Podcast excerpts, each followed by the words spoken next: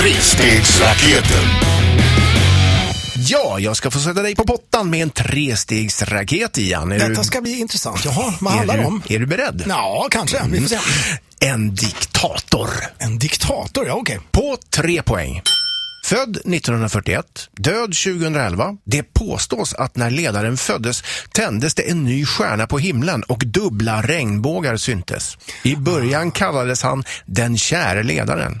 Och som den hårt arbetande diktator han var satte han hundratusentals medborgare i brutala fängelseläger och de flesta av hans undersåtar levde i stor fattigdom och utan tillgång till sjukvård. Jag vet inte vad gubbjäveln heter, jag vet ju vem det är. Alltså, Ja, men det, vet du vad? Ja. Du får rätt om du gissar eh, vilket land det är han så att säga är Okej. diktator i. jag, jag lämnar in eh, min uh, gissning här då.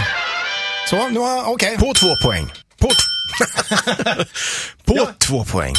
Diktatorn var filmentusiast. I slutet av 70-talet ville han skapa en filmindustri i landet. Han löste det genom att kidnappa en regissör från grannlandet som bland annat tvingades regissera en monsterfilm innan han lyckades fly därifrån. Okej. Och på ett poäng.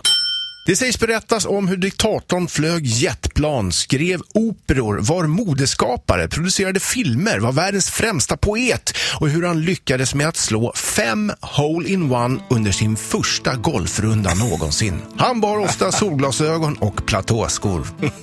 Ja, jag, jag gissade ju redan på trepoängsnivån där, men eh, jag kan inte namnet, men du kommer väl avslöja det om ett tag va, Mick? Jajamensan. Trestegsraketen. Och idag handlar det alltså om en diktator och eh, några snabba ledtrådar som du fick. Han kallades den käre ledaren men var brutal mot sina undersåtar. Han kidnappade en eh, filmregissör från ett grannland och han producerade filmer, skrev operor och flög jetplan och eh, ja, det är ingen måtta på vilken övermänniska han var. Stålmannen Eat Your Heart Out. Ja. Och vad hade du gissat på? Vet du landet som Ja, den visst fan är det väl Nordkorea va? Ja, men det är helt riktigt. Du får, faktiskt, du får rätt för tre poäng. Ja. Bang, chong, heter han?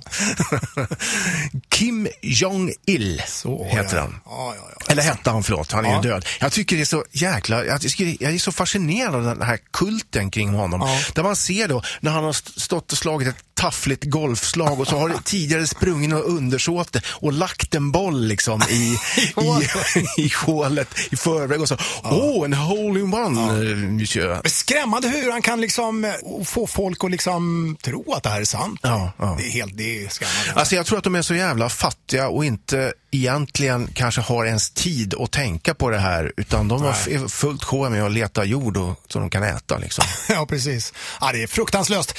Men jag tycker att det var en eh, intressant trestegsraket. Jag får eh, kontra nästa vecka. Mm. Grattis till tre poäng! Ja, tackar.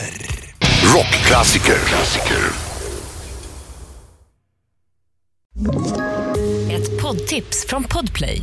I fallen jag aldrig glömmer djupdyker Hasse Aro i arbetet bakom några av Sveriges mest uppseendeväckande brottsutredningar. Går vi in med hemlig telefonavlyssning och, och då upplever vi att vi får en total förändring av hans beteende. Vad är det som händer nu? Vem är det som läcker?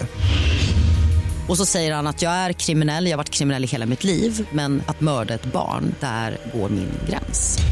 Nya säsongen av Fallen jag aldrig glömmer på Podplay.